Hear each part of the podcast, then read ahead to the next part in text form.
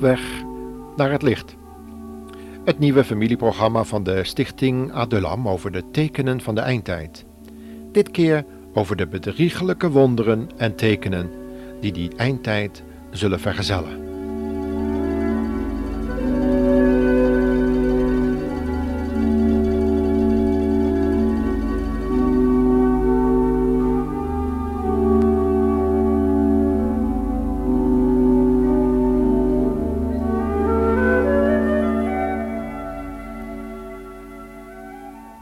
We slaan de Bijbel weer open bij Matthäus 24, vers 4 tot 13.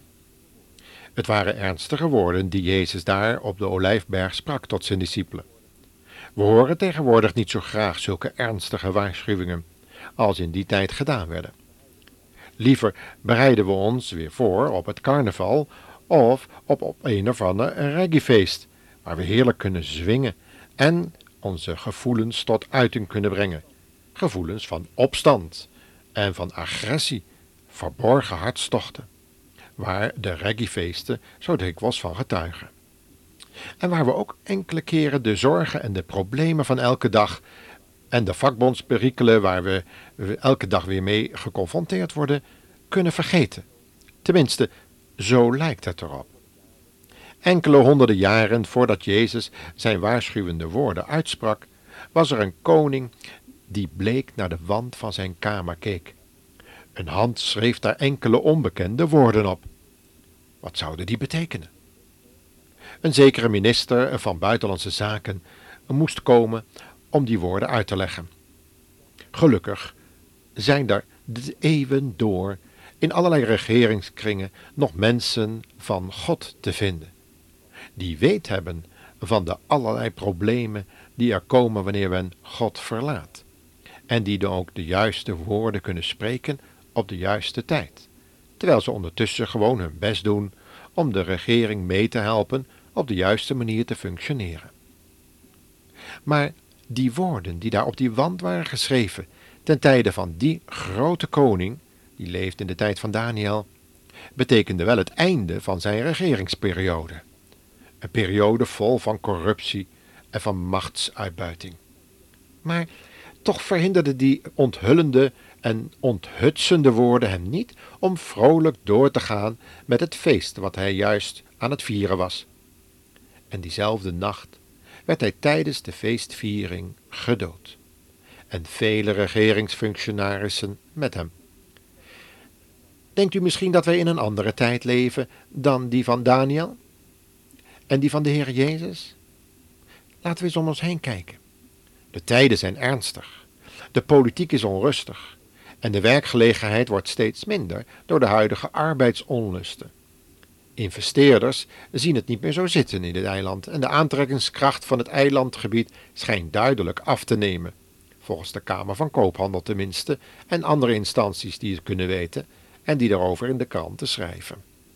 Afspraken blijken moeizaam te verlopen vanwege de volle agenda's van regeerders die volgens de krantenberichten weer vol staan met feestelijke bijeenkomsten en buitenlandse reizen. Waar moet het eigenlijk heen leiden? Overwegen vele serieuze denkers in ingezonde krantenartikelen. En dan horen we ineens weer van profeten die de eilanden overstromen met hun voorspellingen en mooi klinkende, maar holle frasen. Wat moeten we toch van zulke dingen denken? Zo moeten ook de discipelen gedacht hebben, daar op die stille olijfberg. Jezus kende hun gedachten wel. Jezus is God, geopenbaard in vlees en bloed en kent iedere overweging van zijn schepselen. En hij gaf dan ook het volgende antwoord op de bange vraag van zijn toehoorders.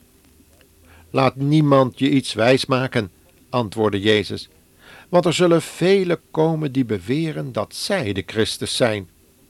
Ze zullen vele mensen op het verkeerde spoor brengen. En wanneer jullie allerlei berichten over oorlog horen, maak je niet ongerust. Er moeten wel oorlogen komen, maar die wijzen er nog niet op dat het einde er al is. Over de hele wereld zullen volken tegen elkaar worden opgehitst. Er zullen hongersnoden en aardbevingen zijn. Nu hier en dan weer daar. Maar dat is allemaal nog slechts het begin van de ellende. Dan komt er een tijd dat jullie gefolterd, gedood en overal ter wereld gehaat worden, omdat jullie bij mij horen. Velen van jullie moeten dan ineens niets meer van mij hebben. Die zullen de anderen haten en verraden. Er zullen ook valse profeten komen. Ze zullen velen op het verkeerde spoor brengen. Het kwaad zal hand over hand toenemen, zodat de liefde van de meeste mensen zal verkoelen. Maar wie dwars door alles heen aan mij vasthoudt, zal gered worden.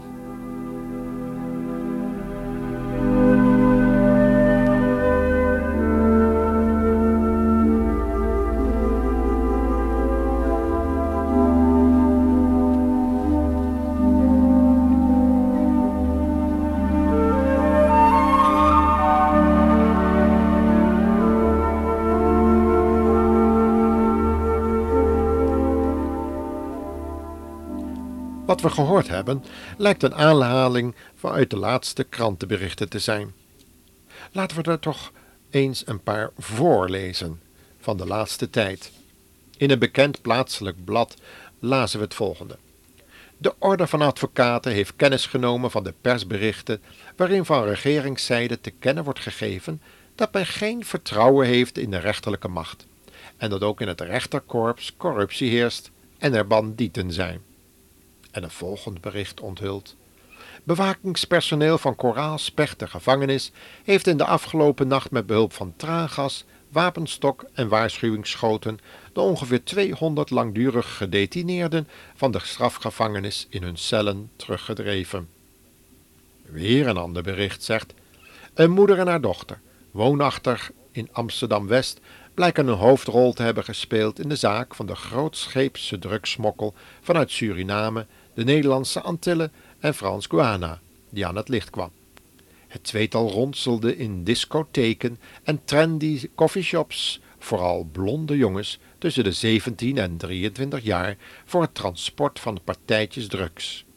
Maar moeder en dochter hadden ook de leiding van het distributiewerk van harddrugs, die naar Nederland gesmokkeld werden. In een ingezonden bericht wordt de volgende overdenking doorgegeven. Als ik nadenk over alles wat er de laatste tijd hier gebeurd is en nog steeds gebeurt in onze politieke arena en in de regering, de oppositie niet uitgesloten, dan bekruipt me een gevoel van frustratie. Frustratie omdat juist degenen die geroepen zijn om ervoor te zorgen dat ons land vooruit gaat, ons elke dag dichter bij de afgrond voeren, naar een ramp van ongekende omvang.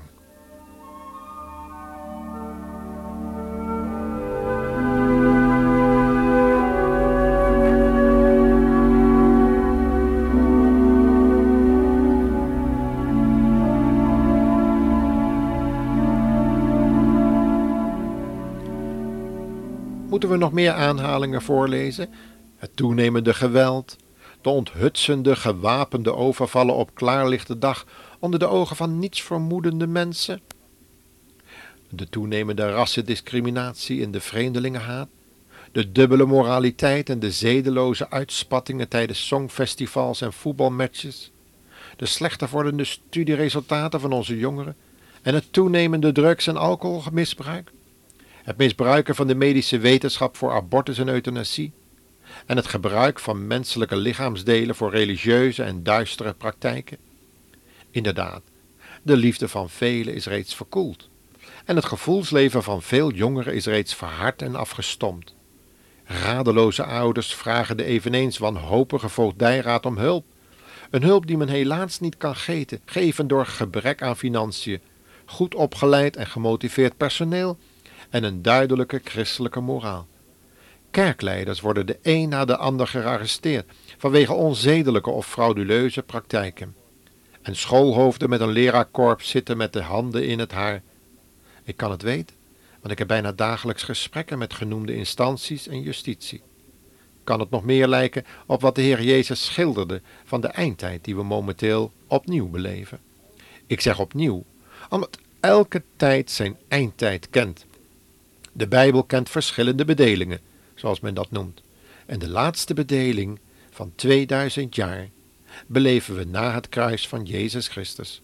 En dan komt het einde, zei Jezus hiervan. wijzend op die geruchten van oorlogen, epidemieën, rampen, hongersnoden en verontrustende tekenen in de ruimte van zon, maan en sterren. Waarom de Heer Jezus al deze dingen voorspelde? Laten we lezen wat Jezaja de profeet hiervan zei, in Jezaja 50 vers 1 en 2. De Heere vraagt, verkocht ik u aan schuldeisers? Bent u daarom hier? Is uw moeder weg omdat ik van haar scheide en haar wegstuurde? Nee, u hebt u zelf verkocht door uw zonde. En uw moeder werd weggenomen als een betaling voor uw schulden. Was ik te zwak om u te redden?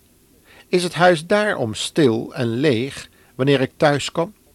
Heb ik niet langer de macht om te verlossen? Allemaal vragen die Jezaja aan het verontruste volk stelt. Alleen maar om hun geweten te oefenen, zodat ze zich zouden buigen onder de vaderlijke tucht van de Schepper en hun verbondsgod Yahweh. Het was om de lippenbeleidenis, zonder dat het hart gereinigd was van zonde, omdat God zijn volk nu moest straffen. En zou het tegenwoordig anders zijn, en met al die massale abortus, slachtbanken, de moderne afgoderij voor de moloch. Maar er is goed nieuws voor de oprecht verslagen mensen, die gruwen om de dingen die ze horen en zien op de televisie en wat ze vinden aan pornovideo's in de schooltassen van hun kinderen. En tot hen zegt de Heer dat ze moeten blijven uitzien naar de Heer Jezus, die hen spoedig komt redden van de eeuwige ondergang die deze wereld wacht. Misschien vinden enkele luisteraars maar nu een doemdenker, een zwartkijker, die de zon in het leven van de anderen niet meer kan zien schijnen. Kort geleden hoorde ik nog een waarschuwing van een pastor. Die zei: Mensen, luister toch niet naar die gelovigen die daar beweren dat God toornt en dat hij de schuldigen niet onschuldig houdt. Dat er een keer een strafoefening van God komt. Want God is liefde en hij straft niet. Maar vergeet niet dat de programmamaker dagelijks de gevolgen van zonde onder ogen krijgt van de misdaad, de zedeloosheid en de psychische klachten van jonge meisjes die abortus gepleegd hebben of betrokken zijn geraakt in de drugstransporten de klachten van wanhopige moeders, die hun goede raadgevingen letterlijk tegen dovemansoren hebben uitgesproken door de Walkman-koptelefoons op de oren van hun kinderen. Ze spreken boekdelen. De teksten bij de popmuziek wekken op tot liederlijk gedrag. De reggae-muziek is een uiting van frustratie en een losmaking van alle zedeloosheid die er is. Opstand tegen ouders en gezag, om gebruik te maken van de huidige vrijheid van handelen en te doen wat je lichaam je ingeeft. Herkent u de tijd die Jezus besprak daar op die stille olijfberg? Luister toch naar zijn geduldige, maar ernstige en ook soms verdrietige en vermoeid klinkende stem. Hij geeft hoop aan verslagen zielen, die vrezen voor de toorn van een rechtvaardige en een heilige God. Nog is het de tijd van genade. Laten we die gebruiken om onze wegen te doorzoeken, ons te reinigen van het kwaad zodat we een heilige God kunnen ontmoeten voor zijn rechterstoel. Misschien vandaag nog. Wij eten en wij drinken net als in Noach's tijd. Niemand die geloofde van die regentijd. Heus, het zal niet lang meer duren. Dit zijn de laatste uren. Dit zijn de laatste uren. Jezus heeft hier op de aarde zelf verteld dat wij kunnen weten wanneer de dagen zijn geteld. Dus zeg tegen Jezus